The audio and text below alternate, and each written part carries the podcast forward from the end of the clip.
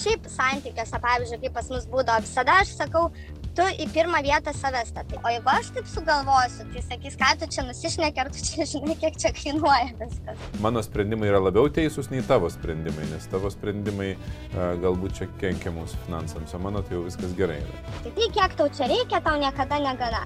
Aš nuspręsiu, ar tau vat, tiek nupirkti, ar tiek. Vienas yra galios pozicijai nuolatos, o kitas yra tokia silpnesniai pozicija, arba ten tėvo vaiko pozicijai kartais psichologai mėgsta sakyti. Tu negali būti galios pozicijoje ir būti ryšė, nes galios pozicijoje tu nesi ryšė, tu nesi atviras, nes tu bijai, kad tave paliks, išduos. Dabar su trečia uh, moterim gyvenu ir jau pradedu tikėti, kad ir su pirma galėjau gyventi. Ir šitas finansų paskirstimas išsprendė jų iššūkius ir gražino šeimą į labai normalų būvį.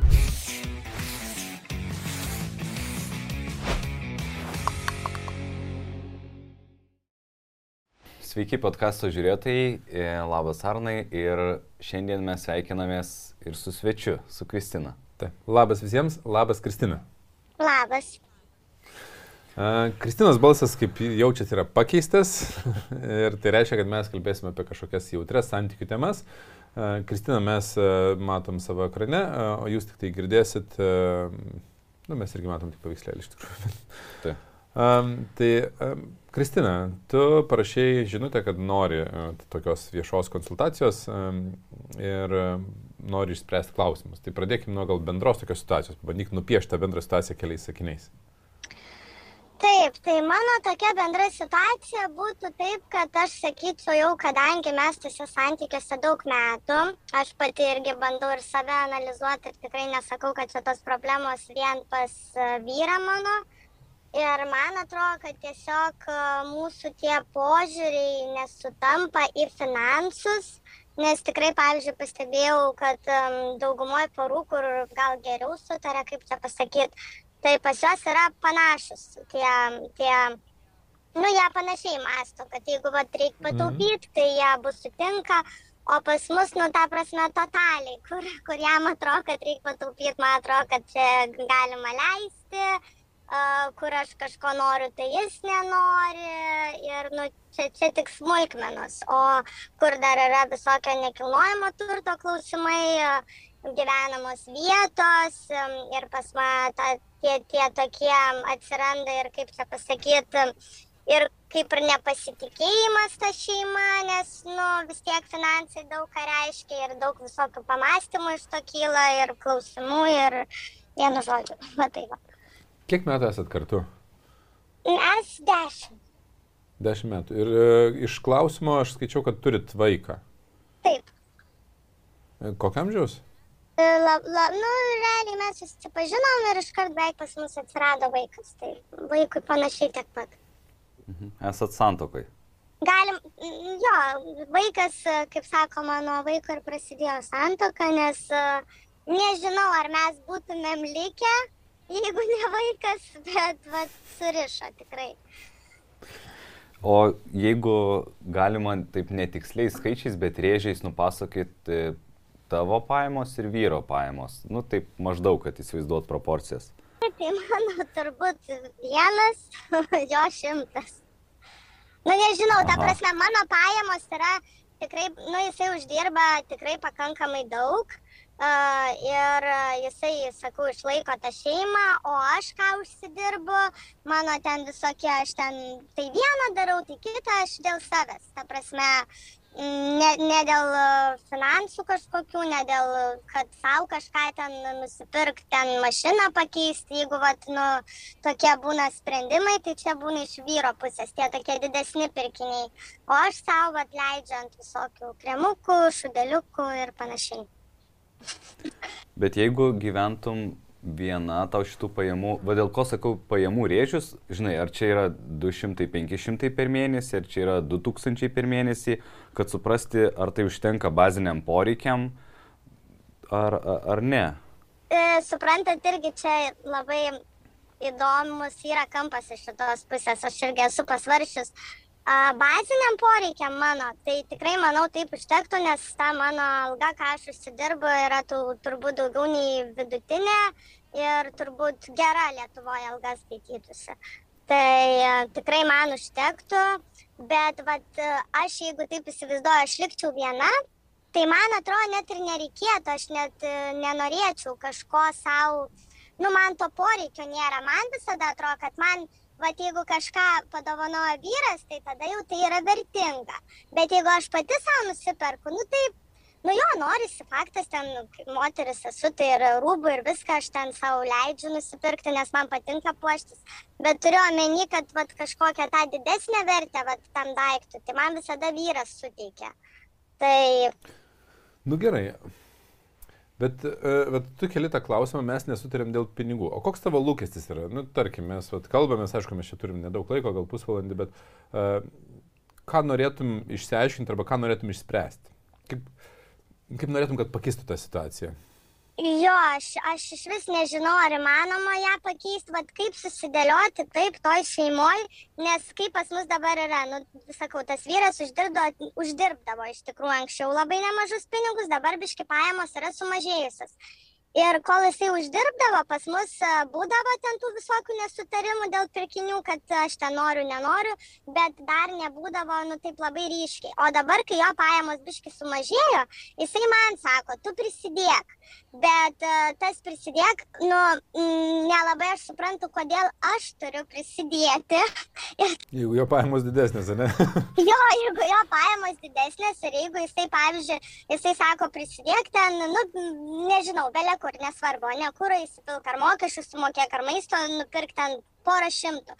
O man atrodo, nu, kas tas porą šimtų, kam tu prašai manęs, kad aš prisidėčiau, jeigu tu, pavyzdžiui, naini ir batus iš 500 nusipirkė. Tai ką mes čia taip pinigų neturim, ta prasme, kad aš turėčiau prisidėti, o esmė, kad aš vis tiek e, vaiką ten vežioju visur paburelius, po mokyklas, namie valgy darau visada aš, jisai, ta prasme, jisai realiai net nepasišildys turbūt nieko, jisai manęs visada prašo. E, jisai ten, nežinau, rūbo neįsilygins, nepasims, Nu, kažką, aišku, nėra gal toks jau visiškai, jau čia gal jau suaštrinau tas spalvas, bet turiu omeny, jisai labai mm, nori, kaip aš namie, jisai labai nori iš manęs to viso, kad va, aš įdėčiau lėkštę, aš padaryčiau, um, aš tvarkausi, nu, jisai niekad nieko nesitvarko, nieko nedaro, ta prasme. Tai man atrodo, tai jeigu mes jau taip pasiskirstę esam, nu tai tu vykdyk savo pareigas, aš vykdau savo pareigas, kame tada problema. O čia dabar prasideda, kad va, dasidėt kažkur kažką, o savo paskui sakau, eina ir perka ir toks vaizdas taip traktuoja, kad mes jau dabar mm, sumažėjo mūsų pajamos ir mes čia turim dabar mažiau tų pinigų ir tu čia padėk dabar šeimą išlaikyti, nes aš visą gyvenimą ją išlaikiau. Tai, bet aš teisingai suprantu, tai tavo lūkestis yra labiau suprasti situaciją, kas vyksta. Mm, nu, Ar kad pasikeistų kas nors? Gal labiau suprast, kaip, kaip jisai čia įsivaizduoja jo, kaip jis, jo, gal labiau suprast, tai gal tada aš galėčiau kažkaip irgi labiau, nu, tiesiog jį suprast, nes aš dabar ne, nesuprantu, kodėl jisai reikalauja ir jisai šiaip santykiuose, pavyzdžiui, kaip pas mus būdavo, visada aš sakau, tu į pirmą vietą save statai. Jeigu jis kažko nori, tarkim, nu, nežinau, auksinės grandinėlės, tarkim, mane, tai jisai man tada jau būtinai ateis ir sakys, va, aš einu savo pirkti einam ir tau nupirksiu. Bet jeigu aš pirmą tos, tarkim, grandinėlės paprašysiu, tai jis sakys, ne, mes, tarkim, dabar ten neturim ar negalim. Nu, ta prasme, visada, va, jeigu kažkoks didesnis pirkinys, tai va taip pat visada iš jo. Nori savo, tarkim, garderobą kokią atsinaujint, kažkur ten nuskristi, ne?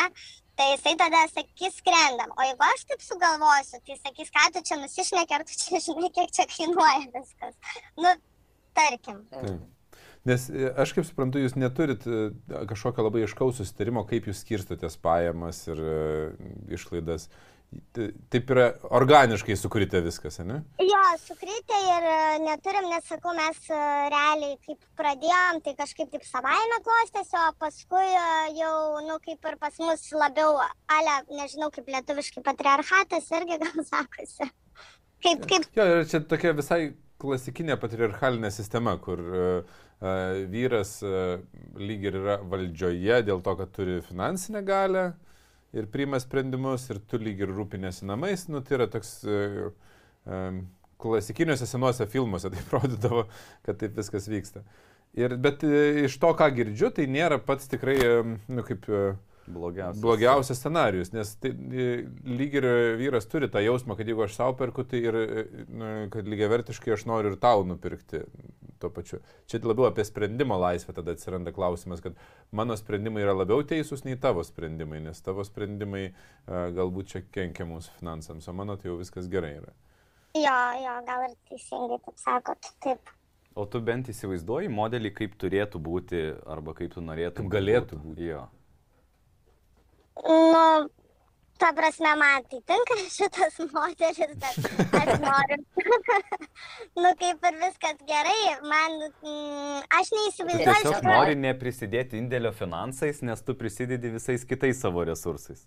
Taip, taip, man tinka, kad aš prižiūriu vaiką, viskas yra ok, man net nepatinka realiai, kai jisai kišasi, tarkim, vaiko priežiūrą ir vat, vaikas paaugo, jis jau čia pradėjo, tu čia netaip darai, o aš visada pripratus šitą situaciją, nu, valdyti, kaip sakoma, aš visada kaip ir jausdavau, kas vaikui geriausia ir tikrai mano tas auklėjimas ir kaip dabar matau, jis viskas su juo ok.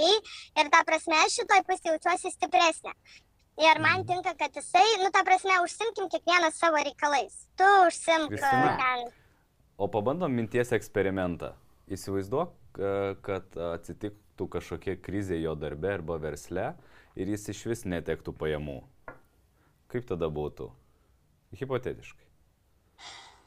Nu, tai tada, nu, nežinau, nu, okei, nu, aš nesakau, kad čia jau labai ten, aš būčiau nepatenkinta, jeigu kažkas atsitiktų, tai viskas gerai, nu, gal ten lyga, ne, kaip sakot, nežinau, žmogus gal negali dirbti. Nu, tai aš einu ir dirbu jo, bet bandau aš tada kažkaip tą šeimą išlaikyti, nes tikrai sakau, nesu aš ten kažkokia, kad negaliu, man ten kažkas nesiseka, aš tiesiog nenoriu, nežinau, nu, ką man reikia tai viskas su to būtų ok. Bet e, čia irgi būtų klausimas, ar jisai čia tik dėl to, kad lyga ir vat, kažkas atsitiko a, kažkuriam laikui ir jisai prigulė, kaip sakoma, ant tos sofos, ar jisai jau guli ir metus ir du, nors jau gali eiti ir kažką daryti. Bet jeigu tiesiog, vat, nu, kažkokia nelaimė tam tarpsniui, tai, nu, tikrai prisidėčiau ir, ir viskas būtų ok ir bandyčiau kažkaip, nu, kad turėtumėm ką valgyti. Tokie du dalykai man e, atrodo taip svarbus va žiūrovams, kad vienas, tai tikrai e, egzistuoja tokių sistemų, kur, nu, šeimos sistemų, kur e, šeima pasiskiršius vaidmenim, kad vienas uždirba pinigus, kitas rūpinasi namais ir tame um, gerai jaučiasi abu.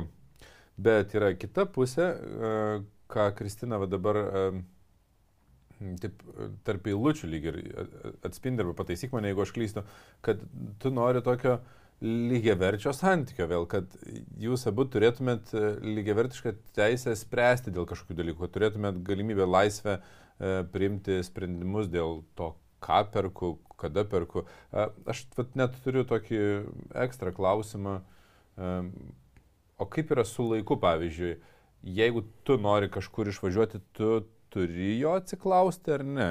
Ir jeigu jisai nori kažkur išvažiuoti, ar jisai tavęs atsiklausia? Ne, ne? jis manęs ne, jisai nedaro, ką nori, o aš visada turiu arba aš jaučiuosi kalta, jeigu, pavyzdžiui, net, jo, net tarkim už savo finansus, aš jau jo, net ir, nu, seniau, kaip sakau, jisai man viską ten finansuodavo, viską pirkdavo, o dabar aš jau pradėjau kažką, sakau, užsidirbti tiesiog dėl savęs ir aš turiu savo poreikiam, kad man jo tiesiog nebeprašyt. Nes irgi būdavo visada priekaištai, tai kiek tau čia reikia, tau niekada negana.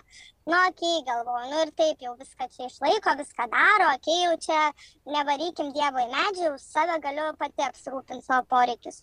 Nu tai tada aš e, nusprendžiau, e, kad va, ar kažkur su draugiam, ar kokia kelionė, ar kas, tai aš viską savo leidžiu. Bet jeigu va, tas sprendimas, ne, aš jau tavęs atrodo net neprašau ir aš išvažiuoju kažkur dviem, trim dienom, tai paskui būna priekaištai prieš tai, tai kaip čia, ką čia, e, man kaip čia reikės daryti su vaiku, nublemba tas vaikas jau didelis, nu ką ten daryti, paskui aš grįžtu vėl, tai tu čia išvažiavus buvai, tai čia vat, mes, va taip aš negalėjau ten išvažiuoti per tavo tas nesąmonės prisigalvoja jinai čia, nu tai, o jisai ta prasme paima ten, sakau, kur nors, nu, nesiplėsiu čia, bet vienu žodžiu jo, neklausė, tikrai ne. Jo, de- detalių neskleis, po to gali atpažinti.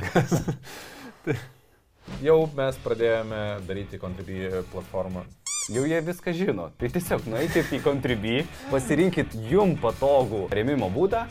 Gerai, tai ką jie gali gauti? Pasakyk. Nu, nu, tiesiog e, geros savijautos, kad jūs prisidedat prie, prie tokio projekto, kur žmonės keičia savo santykius, iki to, kad jūs galėsit online susitikimus, gal papildomas vertės e, epizodo gale papildomo turinio ir taip toliau. Žodžiu, spauskit, paskaitykit. Ne, iki. Tai, bet žiūrėk, nu, tas, tiksliau, va, jūsų pora yra klasikinis tas, uh, nu, atrodo visai veikiančio neligiai vertiškumo pavyzdys, kuris galų galę vis tiek prieina prie vidinės uh, neteisybės jausmo tokio, kad nu, kažkaip nefainiai, kad vat, vienas... Bet yra abipusis jisai, kas įdomiausia yra. Taip.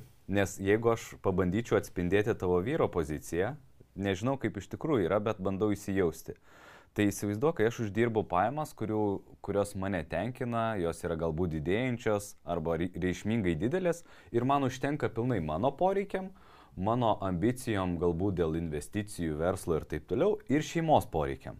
Tai viskas tada yra gerai. Bet jeigu... Uh, Bet čia susiduria vyrai, kurie uždirba reikšmingai didesnės pajamas su tokiu dalyku, nes jiegi nėra, nu, žinai, savęs tai nevaidina išlaidūnais arba emociniais leidėjais. Jie dažniausiai priima, galvoja, kad racionalius sprendimus. Ir paradoksas. Labai gražiai pats galvoja. Taip. Ir paradoksas, kad tai, ką jiem atrodo racionalu, žmonai taip netrodo. Ir atvirkščiai. Ir pavyzdžiui, jisai sako, taigi aš nevažiuoju su, neskrendu su biznis klase, aš skrendu su ekonominė klase. Bet žmona sako, tai palauk, palauk, bet kai tu batus perki arba kolegai dovana, tai perki ten už tūkstančius. O, o vat jau kažkur čia bandai taikyti kažkokias skirtingas taisyklės ir gaunasi taip, kad skirtingas požiūris į pinigus kartais sutampa, Bet būna situacijų, kur nesutampa. Čia net vertybiniai skirtumai. Nu, žinai, jeigu, pavyzdžiui, vertybės sutampa, kaip supratau, pavyzdžiui, apie ten rūbus ir aprangą, dalinai jūsų vertybės suprant, sutampa, nes kai jisai sako, kad noriu ten skristi apsipirkti ir įmeta tave, ir, nu, tai viskas fainai būna, ar ne? Nu, bet ten, kur sutampa vertybės, tai kaip ir viskas ok. Taip. O bet, ką daryti, kur nesutampa? Jo, o jeigu ten, žinai, vienas nori, o kitas nenori, vienam atrodo Taip. reikšminga, kitam netrodo reikšminga. Tai čia dar, žinai, kai pinigų užtenka, tai galvoji, ai, tegul daro savaip. Bet kai pinigų pradeda mažėti, vad, pavyzdžiui, jo pajamos nukrito, tai ko jisai nori, galbūt tų pinigų ir užtenka, bet jis jau tada nori teisingumo jausmo vėl ir kad tu prisidėtum kažkokiu resursu ir tu sakai, ne, aš ten pinigų tai neduosiu maistui. Aš va galiu bet daugiau. Aš tai spėjimą netgi žinai, kokį turiu. Jeigu aš įsijaučiau jo poziciją, Nu, aš man nėra labai sunku įsijausti iš tikrųjų, nes tai. mūsų sudavilė pajamos reikšmingai skiriasi, tik tai pas mus struktūra visiškai kitokia santykiuose apie finansus, kas liečia. Aš galėsiu trumpai po to nušviesti. Bet aš įsivaizduoju, kad jeigu tu uždirbi netgi labai reikšmingas pajamas ir jos nukrenta, pavyzdžiui, dvigubai, Bet, e, nu, jeigu teisingai Kristina sakė, kad tarp vieno ir šimto, tai reiškia net dvigubai nukritus, tai yra ženkliai daugiau nei šiaip vidutinis lietuvis uždirba. Nu, ir, ir tai reiškia, kad šeimai per akis užtenka viskam ir, ir taip toliau. Bet viduje nesaugumo jausmas tai atsiranda, kad aš nebesijaučiu toks saugus, kaip uždirbau, kai uždirbau dvigubai daugiau. Jausmas tai, kad praradau 8 procentų laisvės, Taip. kurią nu, vyro pozicijai turėjo. Ir kai atsiranda nesaugumo jausmas, jis su, sukelia grėsmę. Grėsmė sukelia instinktyves reakcijas ir instinktyvios reakcijos reiškia, kad reikia stabdyti visokias išlaidas. Nu, Daugiau kontrolės. Ypač yeah. tos, kurios yra nereikšmingos. O kito vertybėmis pagristos išlaidos, aišku, yra nereikšmingos, nes nu, jos ne mano vertybėmis pagristos. Ir nu, šiuo atveju tu patenki tą kito žmogaus vertybę, nu, ta prasme, tai yra, tu esi kitas žmogus, kuris turi savo vertybės. E, ir nu, jas reikia stabdyti, nes aš jaučiuosi nesaugus. Ir čia net nesusijęs su pinigų kiek, čia susijęs su jų mažėjimu. Aš esu turėjęs tą situaciją per pandemiją, kai pandemija smarkiai kirto vienam verslui ir e, rezultate atrodo, mes tik tai mes neturėjom vat, tokio kaip pas jūs, kaip čia, nepasiskirstimą finansų, mes turėjom pasiskirstimą, tai e, mes abu su Davilė kalbėdavom ir Davilė sakydavo, o tai mes turim už ką valgyti. Atrodo, nu, ta prasme, mes ne tai, kad turim už ką valgyti, mes turim viskam pinigų šiaip užtenka, bet e, jausmas viduje, kai sumažėja, kad gal net valgyti neturėsim už ką to. Nors iš tikrųjų taip nėra. Tai yra, nu, mes grėsmės atrodo didesnės nei yra iš tiesų pačioj pradžioj.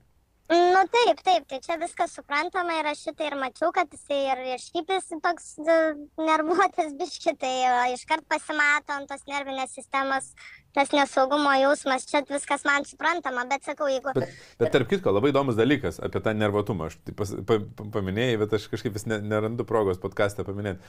Jeigu žmogus geba generuoti didelį rezultatą, nu, tarkim, uždirbti didel, didelius pinigus, pasiekti didelius kūrybinius potencialus, jis galimai, tiksliau negalimai, beveik užtikrintai bus ir nervuotas. Todėl, kad jeigu jisai geba koncentruotis į vieną siekį, o dažniausiai tai yra priežastis, kad žmogus sugeneruoja rezultatą, tai e, ta, e, tas gebėjimas e, susikoncentruoti turi šalutinį poveikį, kad kai jį pertraukia kas nors, arba trukdo, arba nu, rinka trukdo, arba nu, bet kas trukdo, yra nervinė reakcija. Nu, tai prasme, bet kurį iš mūsų, kai mūsų sutrukdo, kai mes būnam susikoncentravę, mes nervuojamės. Tai čia viskas tvarkoja, kad jis nervuotas. Čia normalu. Taip, čia yra, čia yra to pasiekti. Žmonės nori atskirti. Aš noriu, kad pasiektų rezultatų, bet noriu, kad būtų nenervuotas. Nu, taip labai sunku. E, tas, žinai, su mūsų branda, tas nervuotumas, jis gal keičia formą ir po to tampa vis mažiau ekspresyvus ar, ar įžeidžiantis kitus, bet... Tai gerai. Prieinam gal prie to, ką daryti. Gerai, prates, Kristina. Mm, tai va, dar norėjau pasakyti, yra pas mus dar didelis toks dalykas, uh, nu, mano akim didelis. Pavyzdžiui, okay, kaip sakot, nu, ten jam nestabilu, la, la, ten nori, kad prisidėčiau, nes jau jis jaudinas dėl tų finansų. Bet, pavyzdžiui, kas liečia nekilnojamą turtą, tai pas mus yra susiklostę, kad jisai mm, neužrašytas nei ant jo, nei ant manęs. Ir realiai, vad, skirybo atveju kažkas, jeigu būtų, tai vis tiek jisai valdytų tą turtą. Nu, nesvarbu, kad ne ant mūsų, bet paskui eigoje jisai gautųsi, kad jisai sprendžia. Ir pas mus buvo vieną kartą toks atvejis, kaip jau čia mes skiriamės, Ir jisai tada pasakė, kad tai gerai, aš čia parduosiu tą namą ir čia tipo vos nepažiūrėsiu, ką tau čia nupirkti. Nu, ta prasme, ne, poli, ne tai, kad parsiduodam, įsidalinam ir įsiskirstam. Bet vat, aš nuspręsiu, ar tau vat, tiek nupirkt, ar tiek, kiek, kiek tu čia būsi verta, tiek aš tau čia. Ir nu, čia vėl tas toks. Ne, nu... Galios pozicija, vėl galios pozicija. Jo, jo, tai jeigu mes gyvenam tiek metų, jeigu tu nori, kad ir aš tada dasidėčiau sunkioj situacijai, nu tai man atrodo taip, nu labai nesažininga, ta prasme, ir aš tada nežinau vėl šitoj situacijai. Tai dasidėt man dabar tas pinigus atiduoti, aš tada gal gal jau man tada pradėti šoną dėti, nes aš nežinau, gal aš liksiu iš vis ant gatvės, kas čia žino su tavo tais sprendimais, gal tu kitą susirasi ir sakysi viskas. Nu, ta prasme, visko gyvenime, gyvenime būna. Tai atsiranda nesaugumo jausmas, kad čia jau tie namai jau kaip ir ne tavo namai, kad tu jau, nu, Bet ži, žiūrėk, aš, aš pabandysiu uh, nupiešti ir su Vytautu galėsim padiskutuoti, nes nežinau, pritarsis ar nepritars. Bet uh, aš nupiešiu tokias gairias, uh, kaip aš matau problemą esminę. Ne, nes yra, žinai, tikroji problema ir yra jos išraiška. Tai vad pasireiškimas, jau pasakmes tos yra, kad jūs nesutarėt dėl pirkinių ten, arba nesutarėt dėl to, kur turi būti nekilnojamas turtas užrašytas. Bet e, tikroji priežastis, mano galva, e, yra tai, kad e, jūs e, esat stipriai tokiam neligiavertiškam santykiui. Vienas yra galios pozicijoje nuolatos, o kitas yra e, tokia silpnesniai pozicijoje, arba ten tėvo vaiko pozicijoje, kartais psichologai mėgsta sakyti. Vaiko, ir... aš keliu rankų už vaiko poziciją. aš, aš, aš vaiko. Aš. Tai ir e, iš to išlipti galima, bet tai yra netrumpas ir tikrai nelengvas procesas ir nėra garantuoto rezultato. Tai reiškia, aš negaliu garantuoti, kad jeigu tu imsies veiksmų, kad jisai norės paukoti savo galios poziciją. Tai Nes galios pozicija. Tai aš žinau, kad pačioj pradžioj nenori, tai akivaizdu, bet, žinai, klausimas, kas būtų su, su tavo veiksmais, nes uh, iš kur, kaip galima gražinti pusiausvyrą? Pusiausvyrą galima gražinti, jeigu tu pradedi brėžti ribas. Tai reiškia, kad jeigu tu turi, nori turėti nuosavo laiko poilsiui, nesvarbu, kiek jūs uždirbat, realiai tai ir vienas, ir kitas jūs pavargstat gyvenime. Tiesa? Taip. Aš gal kiek ir... mažiau, bet. Bet, nu, iš principo, vis tiek tau norisi pailsėti. Ir jeigu tu ne, neturi galimybės pati nuspręsti, kada pailsėsi arba kaip pailsėsi, be abejo, yra vaikas, jūs susiderinat, bet, kaip suprantu, vaikas jau šiek tiek didesnis, jau nebėra tenais tokių žudbutinių kovų už, už tą kelias minutės miego. Uh, Tai e, rezultate tu turi išmokti brėžti ribas dėl savo laiko, dėl savo finansų, dėl savo asmeninės erdvės, kabutėse į, įvairios erdvės, tai yra ir emocinės erdvės. Ir kai tu brėži ribas, jam labai e, tikėtina nepatiks. Na nu, šiaip, ribų brėžimas sukelia frustraciją kitam žmogui, taip jau yra su, su mūsų e, Nesu matęs dar, kad kitas žmogus, kai jam brėžia ribą, sakytų, o, kaip fainai, kad nubrėžė ribą, labai norėjau, kad, uh, žinai, pasimtum savo erdvę ir apgintum. Taip, žinai, tokios samoningumo nebūna. Ir ką daro tas ribų brėžimas, priverčia jį bręsti emociškai, tai yra spręsti tuos emocinius klausimus ir tave spręsti emocinius klausimus. Ir rezultate jūs abu augat. Ir kodėl aš sakau, kad nėra garantuoto rezultato, nes galimai jisai norės žūtbūt likti galios pozicijai, nes tik joje jaučiasi saugus. Galios pozicija yra nesaugumo indikacija, kad žmogus jaučiasi saugus tik turėdamas galę kad jeigu skirsitės, tai jisai žino, kad jisai galės pasilikti ten turtą ir nereikės dalintis. Galios pozicija, kad jeigu noriu jausti saugus, tai kad tik tai aš priimu sprendimus dėl mūsų finansų ir, ir niekas kitas nepriima. Nu ir taip toliau. Čia galiu ne, ne, nebevardinti. Taip, taip čia jisai nesaugus apskritai santykė su manimi jaučiasi ar su savimi? Aš tai manau, kad pasaulyje, bet... Bet čia, čia, čia hipote, ta prasme, aš tik tai, čia yra toks labai labai tolimas spėjimas, nes aš gyvenime jo nesu matęs ir pažinęs ir mes iš vis per kitą žmogų.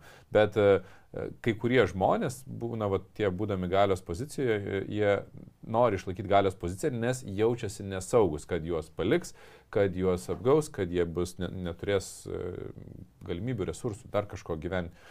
Tai, nu, čia to, tokia klasika, žinai, yra. Uh, Gali būti, kad ir visai saugus jaučiasi tik nesaugus santykėje, kaip tai vardinti. Gali, nu, įvairių scenarių čia gali būti, aš ne, negaliu įvardinti dabar. Bet pats. Kažkada net yra sakęs kažką tokio panašaus, kad, kad aš čia nenoriu silpnas prie tas pasirodyti, nes bijau, kad ant galvos tu man užlipsi, bet kažkaip taip. Taip, taip, dar būna tų įsitikinimų, dar būna vaikystėje matytas modelis santykių ir taip toliau.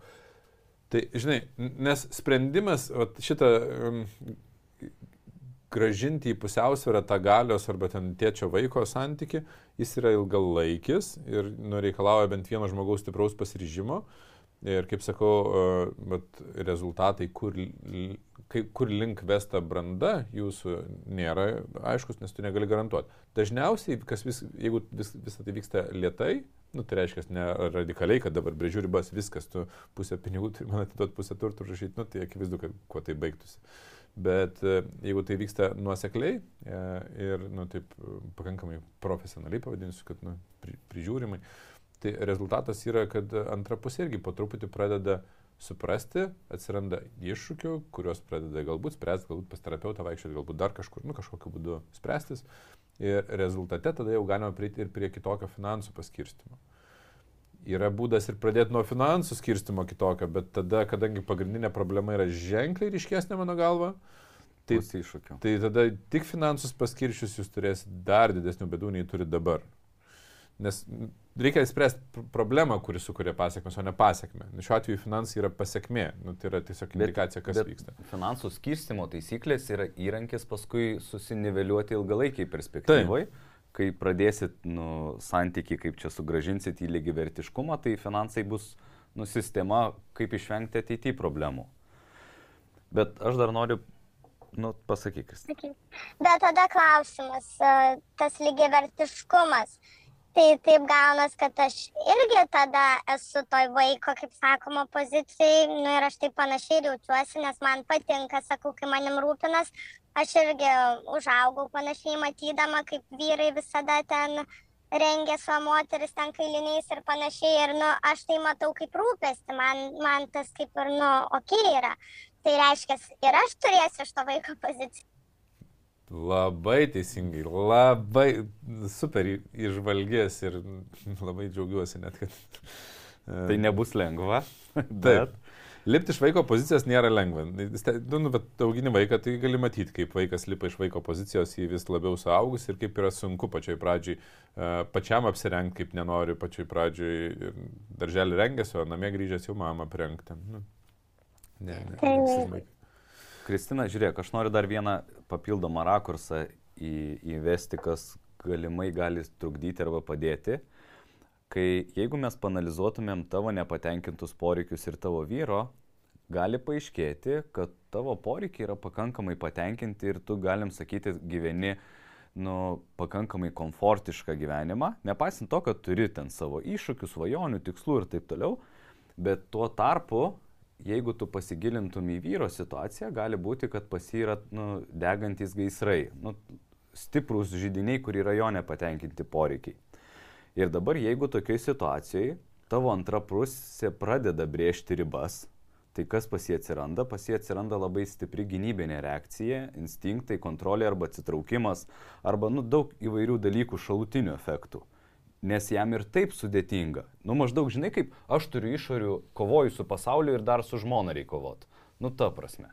Darbuotojai. Tai ko, pavyzdžiui, kiekvienas vyras nori, arba kas šitoje vietoje būtų geras akstinas užsibriežti tau kaip e, žmona ilgalaikės e, tokius tikslus, pažinti vyro gilesnius poreikius, taisyklės ir taip toliau ir suprasti jo situaciją. Ir svarbiausia, kad jis pajustų, kad tu supranti.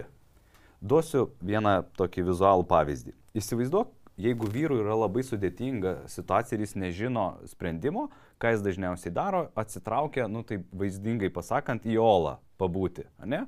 Arba jis eina tarti su draugais, arba atsitraukia į olą. Ir neišmintinga moteris, ką gali sakyti? Tai kur tu čia pabėgai, sugrįžk, kad skambink, kad rašyk, būk su manim ir taip toliau, nes mano rutina griūna ir aš noriu, kad tu būtum taip kaip anksčiau. Išmintinga moteris bandydama suprasti jo situaciją, supranta, kad jam reikia pabūti poro, nu, oloj vienam, tiesiog atsitraukia ir nelenda. Tai reiškia, okei, okay, būk. Ir jeigu vi, e, žmona deklaruoja, žiūrėk, aš suprantu, kad tau sudėtinga, gali pasipasakot, gali nepasipasakot ir taip toliau, visai kaip bando, žinai, jį pažinti, tada vyrui gynybinės reakcijos dinksta. Ir jisai susiniveliuoja ir tada jo kontrolės visi šitie išraiškos, jos mažėja ir tada tu galėjai į kontaktą papasakoti apie savo galbūt, nežinau, nepatenkintus poreikius ir taip toliau. Tai vad ką aš dažnai matau, kad moteris, kada susilaukia vaiko, ką daro? Jį bando visai kaip pažinti, net kol vaikas nemoka rodyti ženklų arba sakyti. Tai yra rodo ženklus, bet nemoka sakyti. Bet jeigu tokiu pačiu intensyvumu moteris bandytų pažinti vyrą, kaip asmenybę, kur jisai dabar gyvena, kur nori nueiti, tai čia gali būti nu, labai įspūdingų atradimų ateiti. Taip. Jo, aš e, dėl, taip pat noriu, nežinau, papildyti, pritarti kai kurioje vietoje pačialinčiant nu?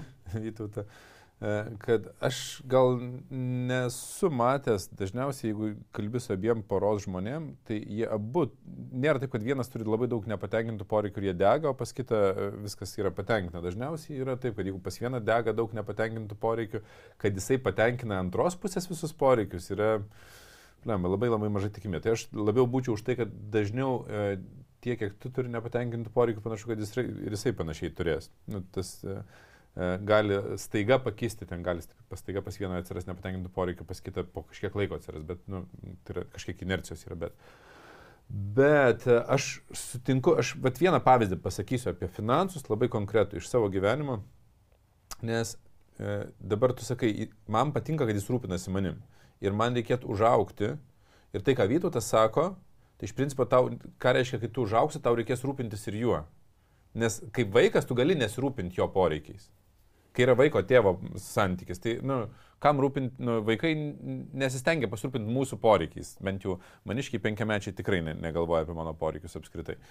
Uh, bet uh, su branda atsiranda, kad mes pradedam galvoti apie poreikius, bet tada mes perinam jau į tokį lygiai vertiškesnį santykį.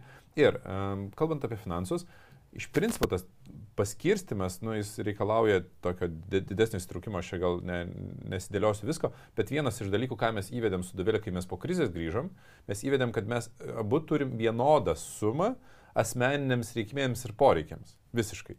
Nu, ta prasme, identiškai, nepaisant to, kad mūsų pajamos ženkliai skiriasi, bet uh, ir jinai turi tą pačią sumą ir, ir aš turiu tą pačią sumą.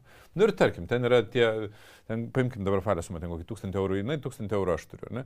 Ir praėjo ten kelios savaitės ir mes kas kelias savaitės susėdom ten suvest, nes dar ne visai mokėdom to finansų ten vedimo, nu, taip tiesiog diskutuodom. Ir buvo pirm, pirmas mėno, kai mes vedam, ar ten pirmas kelios savaitės, kai mes vedam tos finansus.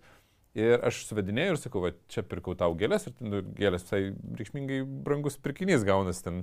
Ir ten gal, nežinau, buvo ten keliasdešimt ar ten šimtas eurų išleista gėlėm.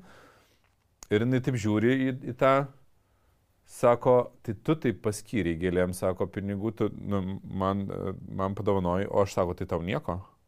Bet galimybės susilygino. Nebėra taip, kad aš galiu jai pirkti, nes iki tol buvo taip, kad aš turiu ženkliai daugiau pinigų ir aš galiu pirkti ir, ir dovanas, ir gėlės, ir viską, o jinai iš principo neturi tų finansų arba turi manęs paprašyti, kad man dovaną nupirkti. Nu, nesąmonė, ne? Bet, bet kai mes išlyginam ir pasidaro lygiai, tai jinai turi visiškai identišką galimybę stebinti mane, kaip ir aš stebint ją.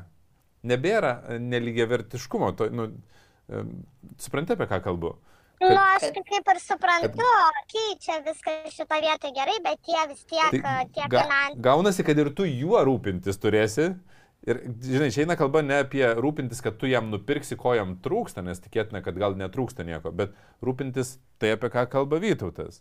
Emociniai poreikiai, jie yra pasirūpinami, nu, nežinau, užsakysi kažkokią vakarienę, ar masažą, ar dar, nu, nu, nu kas, kas yra jo emociniai poreikiai. Išvyka kartu, sutarsi, kad vaiką kaž, kažkas pažiūrėt. Nu, kas yra jūsų poroj, kaip jūs pradedat pažinti. Tai žiūrėk, visą tai, ką aš pasakoju, ir čia ypač žiūrovams labai svarbu.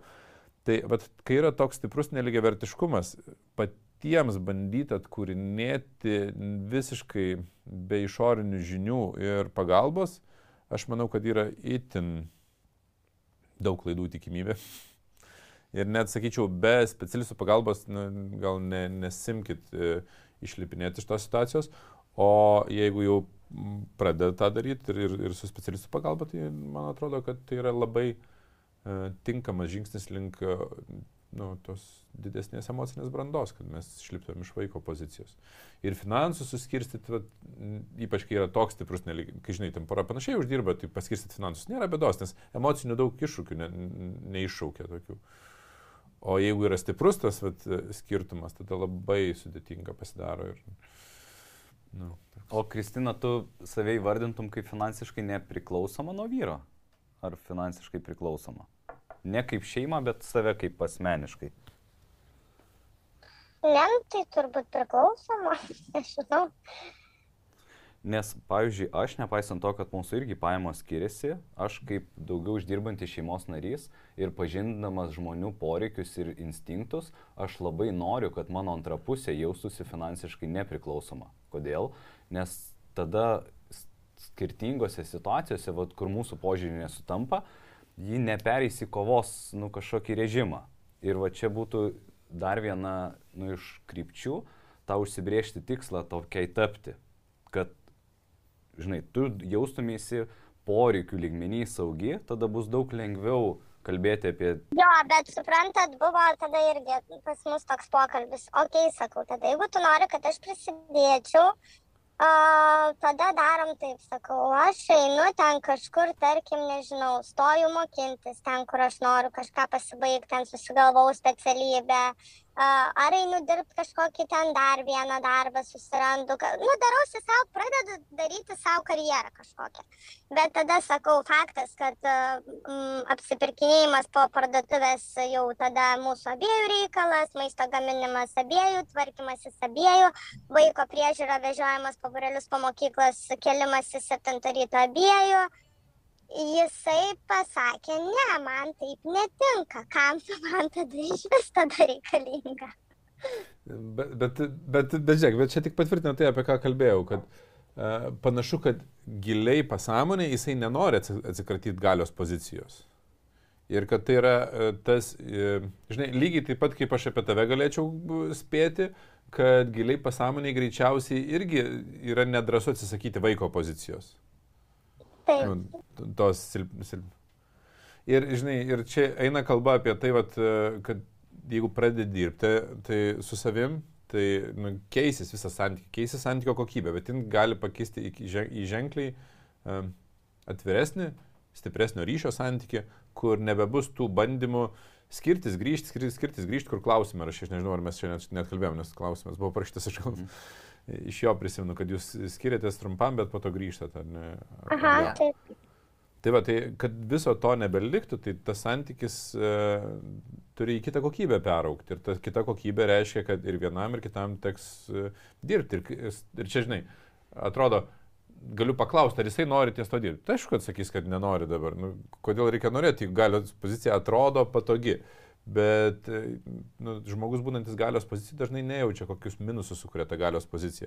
Ir aš, e, jeigu turėtum daugiau laiko, čia dar paspėliočiau ir apie intimų gyvenimą, ir apie kitus dalykus, ir ko- ko- kokie, kokias pasiekmes iš to gaunasi. Aš esu matęs um, daugybę variantų, nu, ką galios pozicija, kokie, kokias negatyves pasiekmes sukuria mūsų santykiuose. Bet e, vieną e, dar tokį disclaimerį pasakysiu, ar, arba įspėjimą, mes dabar kalbam apie tos dalykus. Ir aš pasakysiu savo idėją, nu vieną tokią radikalią, pakankamai apie pinigų pasiskirstimą. E, Bet jeigu nori nepakenkti savo santykiams, tai nenaudok to, ką mes kalbėjom, e, pirštų badydamas savo vyrus. Kad, va, žiūrėk, jie sakė, kad reikia daryti taip, arba ten psichologas sakė, arba dar kažkas sakė, nes tai yra vėl bandymas į tokią kontrolę pereiti, kad tu esi neteisus, va, žiūrėk. Kiti pasakė. kažką pasakė, jie autoriteto kortą kažkokią. Jo, kažkokį metam kortą, nes e, kodėl aš čia iš karto pasakau tą disclaimerį, nes e, aš turiu pakankamai radikalią nuomonę, kad poroje, jeigu mes norim ilgalaikio santykio, tikrai tvaraus ilgalaikio santykio, ne, žinai, kelių metų romano, ne keliolikos metų vaikų užauginimo santykio, kada išsiskiriam po to, o tikrai ilgalaikio santykio, tai e, turtas, kad ir kokį mes jį turim, e, jisai turėtų pasiskirstyti po lygiai, nesvarbu, kas jį uždirbo. Tai yra, aš turiu būti santykėje su žmogum tokiu, nu, taip, kad aš iš principo neturėčiau priežasčių sakyti, kad, nu gerai, aš pasilieku savo turtą, nes tu gali mane palikti ir dabar ir, ir, ir išeiti su turtu mano. Tai yra, aš turiu nepalikti savo galios pozicijos. Ir aš dirbdamas, nu, tiesa tokia, kad ir, ir, ir dėl kainos dažniausiai ateina dirbti didesnės pajamas uždirbantis žmonės su santykiais. Tai jie e, dažnai nori sakyti, nu tai gerai, bet aš nekilnojamo turto bent jau pasiliksiu savo, nu ten su teisininkais tvarkysiu, kad aš turiu, kad jinai ten neturėtų, pavyzdžiui. Nu, neturėjau atveju, kad jisai neturėtų iš priešingos pusės, bet gali būti ir iš priešingos pusės. Ir rezultatas yra toks, kad vis tiek šalia tavęs, jeigu tu turi daug verslų, kurie yra pagal ten vedybinės sutartis palikti tau, daug nekilnojamo turto, kuris yra paliktas tau, e, tai šalia tavęs esantis žmogus jausis silpnesnis, nu vaiko pozicijų. Tiesiog. Tai aš visiškai pritariu uh, Vytauto pozicijai dėl to, kad antra pusė turi jaustis finansiškai nepriklausoma, nepriklausomai nuo to, kiek uždirba tuo metu ir ar uždirba. Nes tuo labiau žiūrint vaiką, auginant vaikus, ypač kai keli ten vaikai būna, tai nu, kaip tu gali uždirbti tuo pačiu metu? Nu, tai yra, ne, Tai va, nu nelogiška. čia yra, čia yra ne, neįmanoma. Bet žinai, bet dėl to pasakiau disclaimerį, neik pas savo vyrą ir nesakyk, Arnas sakė, kad mes turim pasiskirsti dabar lygiai visą nekilnojamą turtą, nes tik konfliktą sukelsi tokiu atveju. Pirmiausia, reikia spręsti lygiavertiškumo klausimą ir tada galime prieiti prie turto pasiskirstimo, kai žmogus pamato lygiavertiško santykio naudą ir vertę. Aš esu su tavim kartu, bet jeigu pasirodys kažkas geresnis, tai aš, žinai, pasilieku šansą eiti su tuo geresniu. Taip. Ir mes visada turim galimybę uh, surasti kažką, kuris kažkurioje srityje bus geresnis. Ir kita vertus, ir įkvėpia yra kitų žmonių nesėkmės istorijos. Tik mokymuose aš atradau, kad tos nesėkmės istorijos pavirsta sėkmės istorija. Tuo metu, kai būna sunku santykiuose, aš būtent to dažniausiai ir negaunu. Nu, jeigu aš noriu saugumo, Taip. tai kai santykiuose yra problema, aš būtent saugumo ir prarandu. Kad jeigu žmogus nori santykiuose saugumo. Čia yra tam tikras red flagas. Tai dabar nebus kitaip. Yra instinktyvios reakcijos ir jeigu žmogus bus nemegojęs, nevalgęs, tikėtina, kad jis bus piktesnis. Nu, kad, ant kiek tu esi bejėgis šalia instinktyvios reakcijos. Ir kai žmonės tą patiria, tai būna toks aha momentas, kad... A, Tai aš sakyčiau, kad va tantra ir yra tas tema, kuri nagrinėja tą intimų ir aistros santykį. Man Tai aš patį žodį tantra tai braukčiau, sakyčiau, ne, aš labiau sakyčiau intimumas, ten ryšys. Nu, bet žiūrėk. seksas.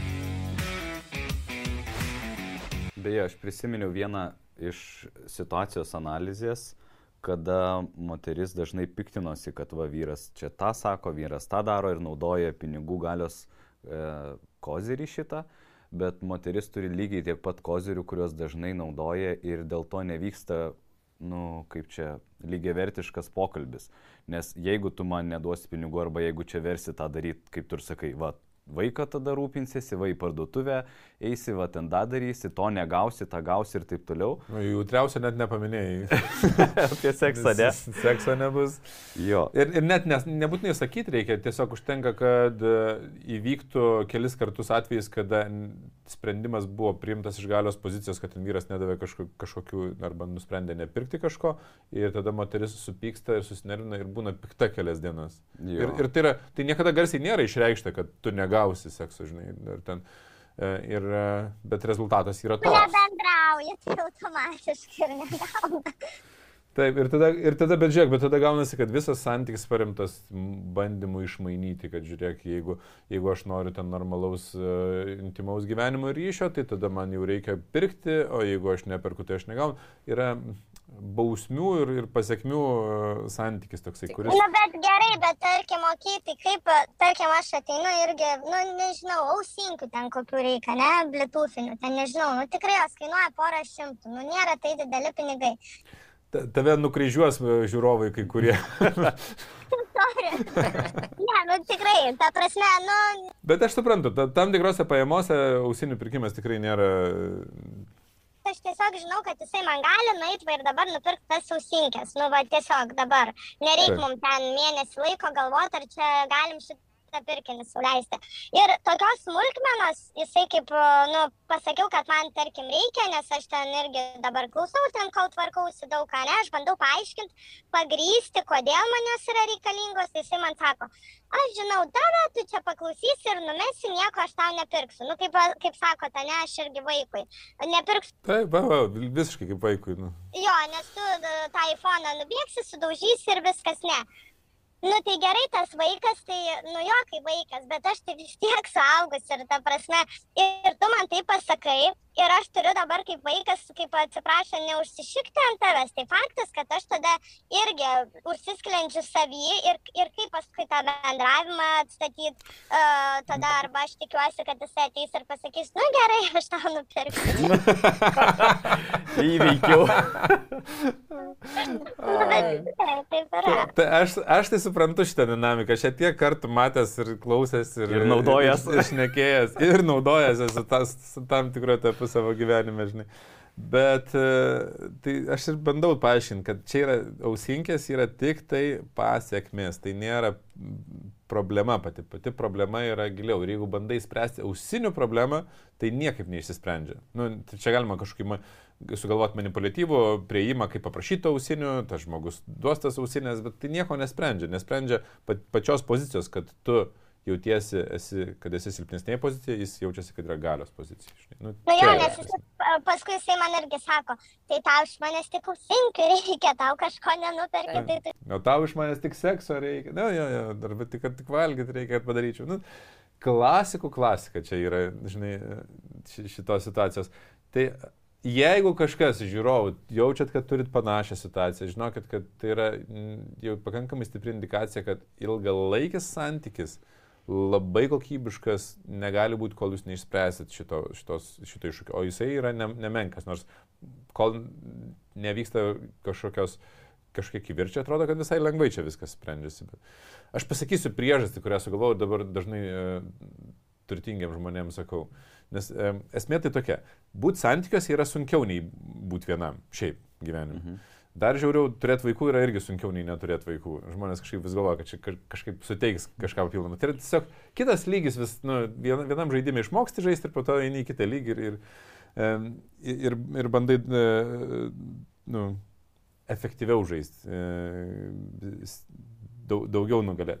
Tai turtingiam žmonėms aš sakau taip, žiūrėkit, uh, sako, tai ką man eiti tą kitą lygį, ką, ką man žaisti, nu, jeigu man, man užtenka verslų rūpintis, man užtenka šitais dalykais. Uh, jeigu man ten reikia išlyginti rūbų ar ten pagaminto valgyti, man bet kas pagamins, ar ne, čia maždaug galiu lengvai pakeisti. Bet uh, yra tyrimai, dabar nepasakysiu, reikia susirasti, uh, kur skaičiau, kad trečiam trimestre žmogaus psichologinė sveikata, psychological health, Drastiškai. krenta. drastiškai krenta tiems, kurie neturi sukūrę tvaraus, tvirto, Healthy, stipraus ryšio. Taip, Jo, jeigu kažkoks. nėra sveiko ryšio, jeigu yra netgi san, santoka, bet nėra sveiko ryšio, Kodėl? Nes tuo metu verslo tikslai trečiam trimestrė gyvenimo, tai yra nuo 60 kažkelių metų, nu, tai prasme, kai jau mes suprantam, kad mes jau judam link, nu, link trečio trimestro, jau viskas. Psichologinė sveikata labai stipriai krenta. Ir yra labai staigus toks grafikas, mačiau, nu, ta prasme, kad praktiškai nukrenta. Tuo tarpu turintiems sveiką ryšį, nu, tokį lygiavertį ryšį, kur mes turim, psichologinė sveikata nekrenta tuo, taip drastiškai, po truputį mažėja, nu, nes mūsų ir, ir gebėjimai mažėja. Bet e, čia yra pagrindinė priežastis, kur um, žmonės daug uždirbantis, daug siekiantis susimasto, galvo, gerai, nu gerai, čia trečias trimestras, rimtai, ar tuo metu man bus labai svarbu, kiek milijonų aš uždirbau, ar jau nebe taip rūpės ten tie milijonai. Ir kas yra įdomu, tam trečiam trimestrė, nusipirkti ryšio, nu kad panašu, kad neįmanoma. Tau reikia vis tiek eiti į, nu, į tą, vat, e, santykių next level, pabandyti. Ja, ir turėti atiduoti, aukot kažką. Taip, nu, aukot tą galios poziciją, tu negali būti galios pozicijoje ir būti ryšė, nes galios pozicijoje tu nesi ryšė, tu nesi atviras, nes tu bijai, kad tave e, paliks, išduos. Uh, ir dar įsijungia kompensaciniai mechanizmai, kada žmogus. Bet šitoje vietoje gal irgi, žinot, visai būna. Aš, pavyzdžiui, žinau pavyzdį, kur yra amžiaus skirtumas ir aš kaip suprantu labai tinka abiems ta, ta situacija, kad vienas galios, nu vienas kažką duoda svarstyklės lygios, ta prasme. Mm. Pas, pas vieną ten grožis, ne ta situacija, pas kitą pinigai. Ir, Nu bent jau šiuo tarpu jiems ok. Žinai, ir klausimas, ar tu žinai, kad tikrai taip žmogus jaučiasi, ar tu tiesiog matai iš išorės, kad taip atrodo, kad jie visai fainiai mainosi. Nes aš esu matęs daug labai atvejų, kai iš išorės pora atrodo, kad viskas yra labai gerai, bet viduje yra tuštumos jausmas. Ir mes bandom kompensuoti be abejo, tai net ir viduramžiaus krizė, kai vyrai perka naujus automobilius. Uh, ar tenais ieško gražesnės mergaitės, ar moteris pradeda ieškoti jaunikio. Tai visa tai susiję bandymas kompensuoti kažką. Bet trečiam, dėl ko aš kalbu, nu, čia yra psichologinis tyrimas buvo darytas, čia jau ne, nebe aš savo nuomonę sakau, kad statistiškai trečiam trimestre, kai supranti, kad nauji žaislai arba naujos seksualinės patirtis nebe, nebeužpildo tavęs, tai uh, Nu, panašu, kad e, ryšys yra ženkliai ilgalaikiškesnis pilnatvę kuriantis dalykas. Taip. Tai vienu žodžiu, vienu žodžiu, kaip ir supratau, bet jeigu, pavyzdžiui, tas žmogus, aš kažkaip manau, kad greičiausiai jisai nenorės, nes jisai toks, nu, kiek aš jį pažįstu, yra, uh, tai, tai tada santykių nebebus jau su juo taip išeina. Ne, žiūrėk, užtenka vieno žmogaus, kad keistųsi, nes jeigu tu pradedi brėžti ribas, jisai neturi um, kitos išeities, kaip doroti su tom emociniam situacijom. Tai reiškia, jisai turi jas spręsti. Ir be abejo, vieną iš sprendimo galimybių jisai turi atsitraukti, palikti ir sakyti, aš jau nebūsiu negalios pozicijoje, o kita pozicija, kad jisai gali vis dėlto spręsti jas ir išsispręsti. Ir aš, ne, nu, niekas čia negali garantuoti, kaip žmogus suks, kuriuo keliu, bet uh, spręsti tokią situaciją galima. Ir, žinai, klausimas, o ko tu nori, nes jeigu viduje irgi yra noras dar pabūti toj pozicijai, kur manim rūpinasi, nu tai kas mes tokie, ar kas, kažkas toks, kad tau aiškintų, kad tu dabar turi iš jos lipti. Mhm, Bet... tai, tai aš tada taip išeina, jeigu aš ir kitus santykius sukursiu ir vis tiek bus, tad jeigu liksiu toj pozicijai, ne, nu, ne, man kaip ir iš dalies, ta prasme, jeigu nebūtų kažkokių labai tokių didelių, kaip čia pasakyti, skaudinančių mane momentų, pavadinkim taip, tai man dar kaip ir ok, aš dar galiu kaip ir susitaikyti, nes sakau, man ta pozicija kaip ir tinka. Ir plus man vyras automatiškai atrodo visada vyriškesnis nu, aš irgi, sorry, nesupykit, jeigu kažkas klauso. Nu, čia tiesiog yra mano, ta prasme, aš einu iš tą schemą, kad mm, senovėje, kas mamutą parneš dabar ten, nežinau, tigrą, leopardą, kailinius, ne, ten tuos, kad žmonai šilta būtų ir tam mamutą, kad vakarieniai pagamintų vyras, o kas rūpindavo vaikų moteris, nes jeigu moteris būtų jis, nu, ta prasme, tas vaikas tiesiog numirtų ir mūsų giminė neprasitęstų, nu, pagal mane, taip, pagal mano logiką. Ir man kaip ir viskas čia gražu ir normalu ir logiška ir sudėliota. Tai man kaip ir tas variantas, sakau, tinka. Bet Tai šitas modelis, jisai e, tikrai gali veikti ir jisai tik tai jis gali veikti kitoj kokybei. Aš nesakau greut modelio, nu, net, žinai, pas mane su Dovilė yra panašus modelis, kad aš vis dėlto einu mamutų medžioti ir grįžtu su mamutais. Tik tai uh, aš leidžiu, uh, net neleidžiu, o Dovilė turi visiškai tokią pačią teisę spręsti, kaip mes tą mamutą ar užšaldysim ar valgysim, žinai. Uh, nes uh, aš nematau priežasčių būti galios pozicijoje šalia jos ir spręsti už ją kaip už vaiką. Nu, Aš noriu, kad jin būtų lygiavertis partneris mano gyvenime ir kad jin turėtų e, bent jau galimybę jaustis finansiškai nepriklausoma, e, emociškai nepriklausoma, valdyti savo laiką, valdyti savo polisį. E, ir... Bet žiūrėk, Kristina, pirmieji žingsniai tau išeinant iš vaiko pozicijos yra labai elementarūs, bet labai sudėtingi. Pirmas, tai turėti sprendimo teisę dėl savo E, bazinių finansų, savo noro, savo būdo, kaip uždirbti pajamas, kur juos leisti, e, ten rezervų turėjimas ir taip toliau. Taip. Gale. Bet čia yra ribos, kurios vienareikšmiškai sukels emocinius uždavinius vyrui. Taip. Ir nebus taip, kad kažkada jūs supranti, nebesibarsit. Nu, žinai, dabar va 10 metų santykiuose, dar 10 metų ir ateis momentas, kur jūs ten visiškai susitarėt. Ne, bet jūs turit atrasti naujus sprendimus, kur sako, o, buvo faina atsibarti, ieškoti sprendimo ir susitarti. Ir man atrodo, tada būdu labai vertinsit, nu, va šitą etapą, kuris buvo, kad ir koks jisai buvo. Tai... Nu, nu, taip ir išsprendžiam. Tu būni tam tikroje funkcijoje šeimoje, tada pereini disfunkciją, ją sprendi, joje taip. neužstringi, pereini į kitos kokybės funkciją. Bet tada kita problema dabar galvoju iškyla. Jeigu žmogus diskutuoti iš vis nelinkęs, jisai pasako arba nu, bus taip, kaip aš pasakysiu, arba nebus niekaip. Tai... O tu sėdi, bandai ne, kažką sakyti. Ne, nereikia diskutuoti, nereikia tam, kad žmogus dirbtų su savo uh, emocinė branda, bet kad tu uh, išliptum iš tos pozicijos silpnesnės, tau nereikia su juo išdiskutuoti ir sutart, kad tu iš jos išlipsi. Tau reikia iš jos išlipti. Taip pat kaip vaikas neišdiskutuoja su mumis, kad jisai uh, turi čia dabar jau turėti savo norus. Jis tiesiog pradeda turėti savo norus ir viskas. Ir tu turi su tuo kažkaip susidoroti, kaip suaugęs žmogus šalia. Uh, nes jisai auga, bręsta, tik tai tiek, kad ten yra akivaizdu, nu bent jau tu, jeigu kažkiek ten domiesi vaiko branda, tai supranti, kad nu dabar atsirado jo noras turėti jau savo asmeninę erdvę, užsidaryti duris ir kad tu jau jį pasinelystum.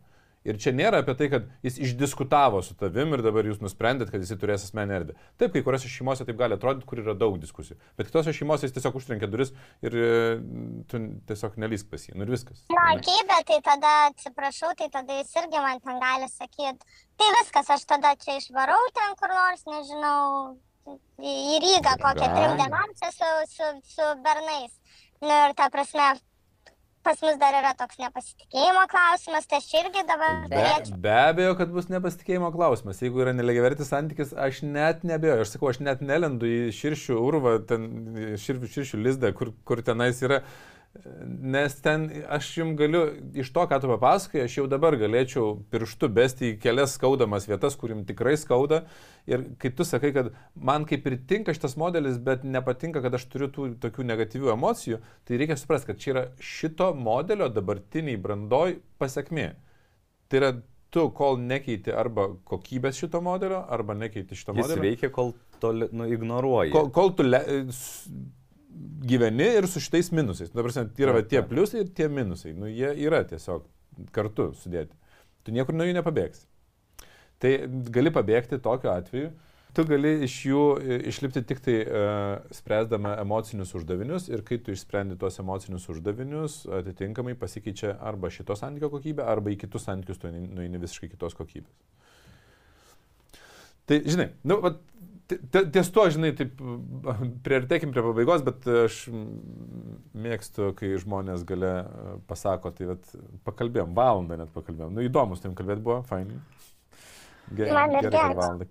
Nu, žiūrėk, aš pabandysiu tokius pamėti tips and tricks. Vienas dalykas, tai kad tikrai čia yra ilgas, įdomus e, kelias ir čia per valandą neišsispręs, kursas ar knyga neišspręs labai labai daug, nu, nes čia yra asmenybinė nu, kaita, tu turi iš principo, žinai, kitą lygį pakilti pati kaip asmenybė ir tada natūralus santykiais iš paskos.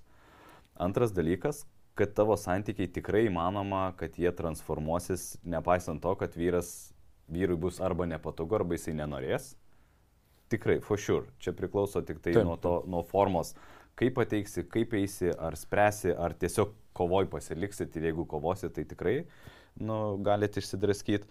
Bet jeigu nespręsi ir ignoruosi, tai laukia tas pats. Problemos tikrai didės. Ir jeigu dabar yra nepasitikėjimas, tai aš galiu garantuoti, neligiavertiškam santykiui jūs prieisit arba prie emocinio smurto, arba prie neištikimybės, arba kankinsitės iki gyvenimo galo su vis didėjančiais iššūkiais ir problemom, kurios... Nes jau dabar sakai, kad jeigu ne vaikas, tai tikriausiai nebūtumėt kartu. Tai vis tiek vaikas anksčiau ir vėliau išeis. Tai liko 8, kiek čia? 8, Aštuoni 9 metai. metai, 6. Ja. Tik Tai- tiek beliko viskas. Ti- Tiek laiko apsispręs, žinai, ar, ar, Jo, ar nori eiti į next level ar ne, žinai, ar, ar dar nori, kad manim pasirūpintų. E, Ir iš kitos pusės tu nežinai ir kas e, iš jo pusės e, verda jo emocijas, jis sakys, gal ne, nemėgsta kalbėtis, bet tai nereiškia, kad jisai nesprendžia. Ir gali būti, kad e, po metų, po kelių metų jisai imsis spręsti šitą klausimą, nes jis jausis negerai. Nes aš turiu nemažai klientų, kai vyrai ateina, būdami galios pozicijoje, spręsti santykių klausimo ir jie iš visiškai kitos perspektyvos, iš tvat vyro pozicijos pasakoja, kad man yra negerai tas, tas ir tas, tai va ten tie visi širšių lizdai, kuriuos nenoriu lysti. Dėl ko aš žinau. Ir sako, kaip man spręsti. Ir mes iš kitos pusės pradedam spręsti, kad vyras pradeda atidavinėti. Aš prisiminiau vieną Erdvę. irgi turtingą vyrą, kuris e, atėjo ir sako, dabar su trečia e, moterim gyvenu ir jau pradedu tikėti, kad ir su pirma galėjau gyventi, jeigu nedaryčiau. Jau, tipo, jau pradedu suprasti, kad čia vis dėlto. Jo, ne jose, žinai, bėda. Bet... Taip. Tai aš manau, kad jūs a, apskritai tarpusavį esat pakankamai suderinami, turint omeny, kad vyras e, rodo e, iniciatyvą, kaip, kaip sakai, kad eina pirkti savo ir tau nori nupirkti. Tai nėra visiškas galios pozicija ir ignoravimas kito poreikio. Tai nėra narcisistinis kažkoks sutrikimas. Nu bent jau ne, nepanašu į tai, kad būtų kažkoks jau ten spektre kažkuriam tenais, žinai, nuėjęs. Tai yra pakankamai, atrodo, normalus. Uh, žmog, žmogus ir santykis tarp jūsų, kurio, kuriame galite, žinai, perėti kitą kokybę. Tai vat, aš tai pradėjau klausimą nuo to, kad valandą pašnekėjom, ką tu manai apie šitą pokalbį, ką tu išsineši, žinai. Nu, aš išsinešiau, kad jo, nu, teks apsispręsti kažkaip man. Greit, nu, man, ta prasme, reikės su savim gal padirbėti ir, ir su ta vaiko pozicija tiesiog įsiaiškinti, kaip, kaip čia aš noriu dėliotis toliau ir panašiai, nes, nes šiaip atrodo kartais, kad tikrai lengviau tą vyrą pakeisti su kalbomis, nebent jau kokį. ir su trečiu vyru jau suprasti, kad ir su pirmu galėjai gyventi. Na tai va, bet šitą irgi pasvarstau ir, ir faktas, ir tas vaikas yra daug visokių niuansų, nesinori ardyti, nes tu nežinai, kaip su kitu žmogum bus, kaip reaguos ir panašiai ir panašiai. Tai norėtųsi įsispręsti šitose santykiuose, bet, nu kažkaip jo reikės čia peržiūrėti savo pasaulyje žiūrą. Gal, galėsi grįžti prie šito pokalbio, žinai, kai uh, mes, jisai išeis vasaros gale greičiausiai ir galėsi dar kartą paklausyti iš šono, žinai, kaip kalbėjomės. Ir, ir mes dar Gal jau bus kažkas pad- padarysim. pasikeitę, žinai. Tai ačiū, iki, tada mm, tave išjungsime, padarysime dar aptarimą. Iki. Mano mintys. e, Mes jau, mes jau tęsim, kad iš viršaus šnekant labai daug atrodo vis Kuo, giliau. daug, jo, kuo daugiau klausimų užduodi, tuo daugiau supranti, kiek yra temų ne, neapriepta arba neišmokta.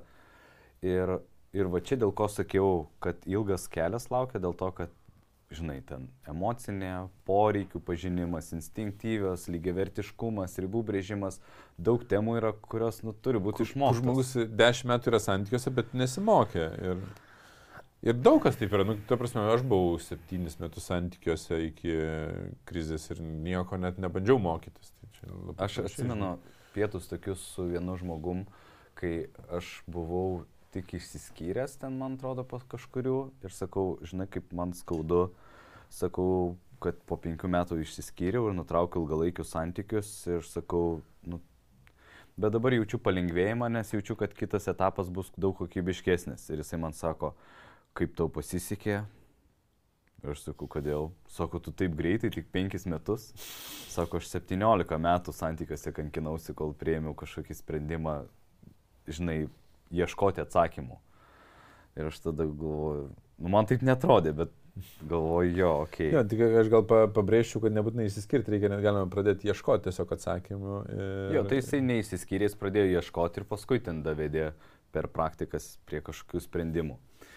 Bet aš noriu pa-challenginti pa tave dėl tavo vieno pasakymo, kad tu manai, kad negali būti lyg, nu kaip čia, nu healthy galim pavadinti, sveiko santykio, tada, kada tur, yra turto disbalansas. Taip. Aš, ir aš suprantu, kad čia yra pakankamai radikalus mano sakinys. Na, nu, aš to duosiu vieną pavyzdį. Įsivaizduok, jeigu a, turtas, galim sakyti, nu šiuo atveju e, mano, pavyzdžiui, vyro, bet nebūtinai, yra kaip jo darbo, pastangų, kančių, ieškojimo rezultatas. Taip. Ir ir tuo tarpu ir darbo įrankis, nu, uždirbti kitus, nu, rezultatus. Ir dabar jisai per tiek metų uždirbo kompetencijas valdyti tą turtą ir sakyti, kad dabar pusė to turto atitenka tau, yra, man atrodo, neteisinga, bet jeigu tu atskiri darbą ir asmeninį turtą, tada atsiranda racijos, nes vis tiek reikia išspręsti lygiavertiškumą Ir dabar paaiškinsiu, kaip buvo galiausiai viskas virto, kad žmonai buvo perrašyta, bet būtent jos vardu ten nekilnojamas turtas, jinai turi ir pajamas, ir rezervus, ir nekilnojamo turto, tikrai pakankamai. Jie... Jo, čia yra vienas iš scenarių. Tai, ką tu pasakoji, aš pats irgi svaršiau apie šitą scenarių, kur aš galvoju, kad jis galėtų veikti, bet tam jau reikalingas tikrai didelis turtas. Nu, pas žmonės. Nu, nes jeigu to turto yra tiesiog, ką aš didelis, nu čia paimkim, jeigu turi uh, vieną namą, ten vieną sodybą ir vieną įmonę, Na, tai neišeina jų taip, taip. užtikrinti, kad ir žmona turėtų pakankamai saugumą tame, kai tas namas, sodyba ir įmonė užrašyta vyro vardu, o žmona arba atvirkščiai ten žmonos vardu ir vyras yra tik tai priedas prie viso to, žinai. Taip. Bet jeigu yra, žinai, multiple homes pasaulyje, ten turi penkis menšinus ir dar kažką. Nu, tai jo, jau po to skirtumas, ar tu turi vieną namą ar septyniolika namų, nu, nėra toks didelis. Jisai Ta. išsisprendžia. Tai galimai gal taip yra, bet ten yra, um, aš pasakyčiau, kad aš neturiu kompetencijų vertinti tokių santykių um, iššūkių. Nes aš tik esu klausęs, skaitęs uh, apie iššūkius, su kuriais susiduria milijardieriai santykiuose. Bet žinai, yra... Bet, bet jie, žinai, yra ten... Bet žinai, vis tiek atsiranda tas dalykas, kur svarbiau yra um, požiūris į kito vertybės. Nu, nes pavyzdžiui, kokį paveikslą pirksim, žinai, ir tu, nu, žmona turi savo, nežinau, požiūrį, tu požiūrį, bet finansinės galimybės, maždaug vyras gali bet kokį paveikslą, ten yra milijoninių paveikslų, nupirkto žmona tam tikrą ribotumą, žinai, Taip. ir kas yra galios pozicijai, spręsti, koks pas mus svetainiai bus. Ir čia yra daug labiau svarbu suniveliuoti požiūrį, žinai, kad tavo ir mano sprendimas aš, nėra aukštesnis. Žinai, čia eina prie to, kad apskritai e, kartais gali netgi poroj būti lygiai vertiškai paskirstyti finansai, bet uh, ypač tai. versluose esantys žmonės uh, vis dėlto sugeba sukurti nelygiai vertiškumą tokioj um, slidžioj vietoj. Pavyzdžiui, Abu turim vienodus ten asmeninius finansus, pasiskirstam ir ten turim vienodas galimybės, bet aš iš įmonės važiuoju golfą žaisti. Ir na, gerai, gal tas golfas ten yra verslo santykiams, kur gal dar prie darbo gali pritemti, bet kartais Ta. būna, kad aš e, iš įmonės e, važiuoju ten medžiot, važiuoju golfą žaisti, važiuoju, e, nu, bet ką, perku lenktyninį automobilį, perku lenktynėse dalyvauju ir taip toliau. Tai vienas pavyzdys. E, sako mama, aš perku vaikui dovaną už ten 3-400 eurų, sako vyras, Gerai, tai šitą dovaną suskaidysim į dvi, dvi dovanas, vieną gaus per gimtadienį, kitą per kalėdas, nu kad neišpuiktų. Ir jis sako, ne, šitą dovaną neskaidoma. Sako, pasiskaidys. Sako, čia nereikia išpuikinti, žinai, vaikų. Visi vaikai gauna iki 5 eurų, čia šimtas ir taip, žinai, čia ir jis jaučia, kad žalą darys, jeigu dovana brangi. Taip. Ir jis sako, tu spėk, kaip aš jaučiuosi, kai sužinau, kad jis už tūkstantį eurų kažkokį ten juvelyrinį šitą savo ten draugui nupirko. Taip.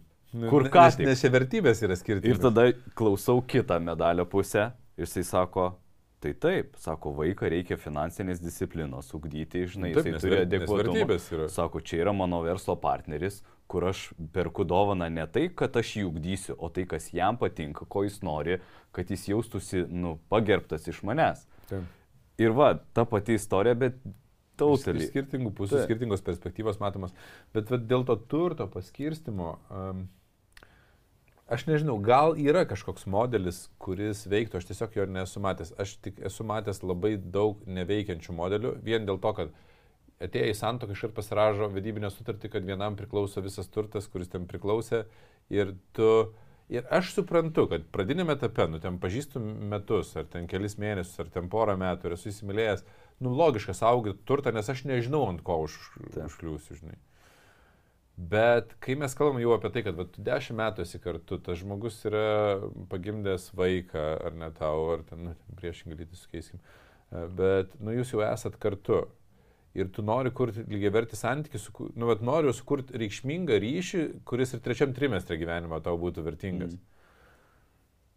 Ar tikrai yra prasmės uh, skaidyti turtą, žinai? Aš, pavyzdžiui, mes buvom su Davilė kriziai, kada mes... Skaidį tavo mano? nu, nu, skaidyt, kad čia mano bus. Ir... Mes buvom su Davilė kriziai ir kai mes skyrėmės, mm, nebuvo daug to turto ir ta įm- įmonės vertė nebuvo didelė labai ir ten, o nekilnojamo turto iš vis jokio nebuvo, nu, ta prasme, ten automobilis vienas ir tas lezinginis. Bet nepaisant to, mes ten lyg ir draskėmės tų skirybų metu, ten, o, o kam čia kas ir kaip čia, ir, žinai, ir aš tada galvojau, kaip mm, ten buvom sutarę, kad aš išmokėsiu tam tikrą sumą už e, tai, kad įmonė liktų man, kad nebūtų po to e, valdymui Mhm. problemų ir taip toliau. Ir po to mes m, po psichoterapijos, po visų ten iššūkių sprendimų sugalvojom taikytis. Ir aš atsimenu, Davilės e, sakinį, sako, tai tu, jeigu nori, tu pasirašyk tą ve- vedybinę sutartį, aš ne, nes aš ne dėl pinigų. Ir jos buvo labai gražus toks gestas, aš ne dėl pinigų esu. Bet aš galvoju, gerai, tai jeigu aš jau noriu grįžti į santykių. Ir aš grįžtu, sakau, bet žiūrėk, bet turto tada jau per kitas skirybas mes nedalinsim. Tai ką aš programuoju savo santykėje? Kad bus kitos skirybos, kur aš ne, nenoriu dalinti turto? Ne, aš sakau, aš grįžtu į santykį, nebus skirybų. Nebus. Ne, nesirašom jo- jokio, jokių sutarčių, mes neturim jokios vedybinės sutarties. Taip kartais jos reikalingos dėl uh, rizikų suvaldymo verslų, suvaldymo, nu, ten yra priežasčių, viskas tvarkosi jom, bet nu, mums nebuvo to poreikio ir mes neturim jok- jokių sutarčių ir aš žinau, kad toks modelis veikia. Ar yra kitas veikiantis modelis? Gal aš jo tiesiog nežinau. Nu, bet padiskutuokim. Pavyzdžiui, kai aš žiūrėjau, yra teisininkai, kurie dirba su skirybom. Taip. Tai jau natūralu, pirmas patarimas Taip. yra, žinai, apsirašykit, kas bus, jeigu bus ir taip toliau. Tai kai draudiesi automobilį, ne, nebandai jo sudaužyti, apsidraudi, o kas jeigu, žinai. Ir, ir aš tada galvoju, jeigu paklausti ilgalaikių, nu, tokių harmoningų arba pavyzdingų santykių, ar bent viena pora sakytų, žinai, vat, mūsų tvirtų santykių pagrindas yra vedybinė sutartis. Aš žinau tokią vieną garsią porą, e, Catherine Zeta Jones ir Michael Douglas, bet čia tikrai ne- asmeniškai pažįstu, tai tik tai tai, kas viešoje erdvėje buvo, bet viešoje erdvėje aš atsimenu, kad uh, jie ten rašėsi labai stiprią sutartį, kur, nes Douglasas buvo pagarsėjęs kaip uh, tas, žinai, Kazanova. Mhm. Ir buvo tokia sutartis, kur jis praktiškai beveik visko netenka, jeigu jis išduoda Catherine. Man atrodo. Nu, bent jau taip, žinai, buvo pateikta viešoje viešo, viešo tai erdvėje, geras. žinai. Kur, vat, e, ir galvoju, gal, gal tai buvo, žinai, jos saugumo garantas, kad jinai ateina ir, ir bando įstikinti, ar tu tikrai jau pasiryžai ir išsilakstei, nu, nes jis buvo ir vyresnis Nu, kinda jisai pasirašydamas, žinai, ir savo, ir pasąmoniai pasako, nuo, nuo šiol aš noriu atsikratyti to seno įpročio, žinai. Aš net pa, pa, pavikipedinsiu, ar jie dabar vis dar yra, ar ne. O galima Wikipediją išanalizuoti, nes ten ne visada Jo, aptidėjai nu, gal būna. Bet žiūrėk, aš manau, kad šitam pasakymė yra pakankamai svarbus vienas aspektas, va tas, ką mes šito istorijoje išnekėjom. Tai yra bazinis žmogaus saugumas. Mhm. Tai reiškia, Zeta Jones, taip, nuo, nuo 2000 susituokė 23 metai kartu. Nu tai va. Tai prieš tai, kad ir kaip aš buvau prieš, nu arba kategoriškai ne, aš galvoju, kad yra tam tikras bazinis saugumas, kur aš kaip antra pusė irgi rūpinuosi, kad kitas žmogus finansiškai būtų nepriklausomas, nes tai nu, nuo to pačio blogiausio, kaip čia instinktų, nežinau, apsaugo iš dalinai. Nes aš irgi, nu čia šitoje vietoje nei, nei kiek neprieštrauju. Jeigu mes e, turim vieną žmogų finansiškai nepriklausomą ir, jo, ir saugų, ir kuris jaučiasi saugiai, tai šalia kitas žmogus negali jaustis, nu tipo, aš jeigu ką tai iš tavęs atimsiu ir tu liksi be nieko. Nu, ta prasme, koks šis santykis yra. Ta. Nu, tikrai abu turi būti saugus, nu, ka, kažkokiu būdu. Bet bėda yra su to, nu, kad, tarkim, žinai, ką man sako ir verslininkai, sako, nu gerai, aš dirbu, aš daug uždirbu, aš e, progresuoju nu, profesiniai srityje, aš sako, va, nu, labai daug. O mano antra pusė tai ne, neprogresuoja. Tai gal man reikia pasikeisti maždaug į kitą antrą pusę, kuri būtų ženkliai aukščiau. Mhm. Bet žiūrėk, jeigu tu laikai ją vaiko pozicijoje ir, ir neleidi progresuoti, tai ir neprogresuos. Kaip jin progresuos? Nu, ta prasme, jai reikia visą laiką galvoti apie tai, ar aš turėsiu už ką gyventi ir ar aš gerai išlyginau marškinius, nes mane paliks ir aš liksiu be nieko. Ta. Nu, ta prasme. Ir nesvarbu, net jeigu tas, žinai, tavo antra pusė kažkurio metu augino vaikus, rūpinasi namais ir atrodo, tai kuo jin čia gali užsimti? Jin N veiklų gali užsimti, jeigu jin turi tą patį capacity, nu, tą pačią, žinai, e, vertę, kad yra daug turto šeimoje ir jinai gali užsimti e, galbūt e, kažkokią investicijų sritį pasinešti, kuri įdomi, galbūt į kažkokią altruistinę veiklą, tai yra uh, filantropinę veiklą, padėti kažkam, kas, pavyzdžiui, labai stipriai atsispindi monarchinėse šeimose. Um, ir žinai, čia vėl, jeigu lendam į labai labai didelius turtus, sakau, čia jau mano kompetencijos neneša, nes vat, Tarp kitko, tos pinigų susitarimo taisyklės, kur uh, ir seminare, kai vedėjai dar tą porų finansai paskui, uh, sukuria tokį šalutinį efektą, kad, pavyzdžiui, vyro finansinė sėkmė yra ir žmonos finansinė sėkmė, Taip. o net virkščiai. Vyro finansinė sėkmė yra daugiau galios jam. Aš paimsiu vat, ir realų pavyzdį pasakysiu nuosmenintą ir labai geras pavyzdys, nes mes vis šnekam dabar vyras turtingas, moteris ne. Aš žinau šeimą, kur moteris uždirba gerokai daugiau Mhm. ir jie poroj turėjo labai labai daug konfliktų, jie augina vaikus ir uh, uh, šitas finansų paskirstimas, Aš jau dariau assumptioną, aha, čia gal šitas, čia gal šitas, gal... A, jau gina vaikus, gerai, netinka. ir šitas finansų paskirstimas išsprendė jų e, iššūkius ir gražino šeimą į labai normalų būvį. Aš nežinau, ten, žinai, aš ne- ne- nesu žvakė, nestoviu, kaip ten viskas Taip. e, yra, bet aš, man asmeniškai atėjo ir, ir sako, ačiū, e, gr, sutvarkė reikalus taip, kad man dabar e, mano vyras nebekelia klausimų, kodėl tu išvažiuoji dirbti kažkur, Taip, kodėl taip. man reikia vaikų pasirūpinti, kodėl dar kažkas, nes supranta, kad mano pinigai yra ir jo pinigai. Ir, Taip, taip. ir viskas, ir, ir, tipo, ir, ir sustvarkė. Tai, žinai, tam tokiam normaliam lietuviško verslo lygmenį, paimkim, nu, jeigu išimsim ten kelis milijardierius Lietuvoje, tai aš manau, kad e, ilgalaikio santykio e, vienas iš veikiančių modelių yra turėti tą, e, žinai, nu, pa, pasiskirstimą, kad vis dėlto mes esam lygiai verčiai partneriai. Ir nėra taip, kad čia yra mano, o, o tu neturi. Nu tai, sakyčiau, šitą sėkmės istoriją tavo pažįstamų e, klientų galim ir užbaigti šitą podcastą. Taip. Ne, neužbaigim viso podcast'o, tik epizodą. Bet jeigu dar Bet tai nepaspaudėte amazing. e, prenumeruoti, spauskite Taip, e, taip. ir paspauskite varpelį, kad praneštumėm apie kitus. Mums tikrai svarbu, kad mes auktumėm ir iki kitų pasimatymų. Jo, ačiū, kad buvot. Iki.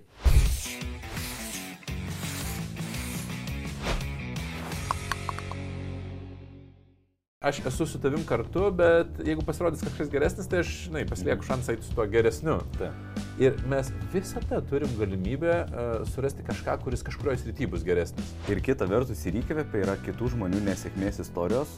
Tik mokymuose aš atradau, kad tos nesėkmės istorijos pavirsta sėkmės istorija. Tuo metu, kai būna sunku santykiuose, aš būtent to dažniausiai ir negaunu. Nu, jeigu aš noriu saugumo, Taip. tai kai santykiuose yra problema, aš būtent saugumo ir prarandu. Kad Jeigu žmogus nori santykiuose saugumo. Čia yra tam tikras red flagas, Nu, ta prasme, nebus kitaip. Yra instinktyvios reakcijos ir jeigu žmogus bus nemegojęs, nevalgęs, tikėtina, kad jis bus piktesnis. Nu, kad, ta prasme, kiek tu esi bejėgis šalia instinktyvios reakcijos. Ir kai žmonės tą patiria, tai būna toks aha momentas, kad... A, Tai aš sakyčiau, kad va tantra ir yra tas tema, kuri nagrinėja tą intimų ir aistros santykį. Man tai aš atrodo, patį žodį tantra tai braukčiau, sakyčiau, ne, aš labiau sakyčiau intimumas, ten ryšys. Nu, bet žiūrėk.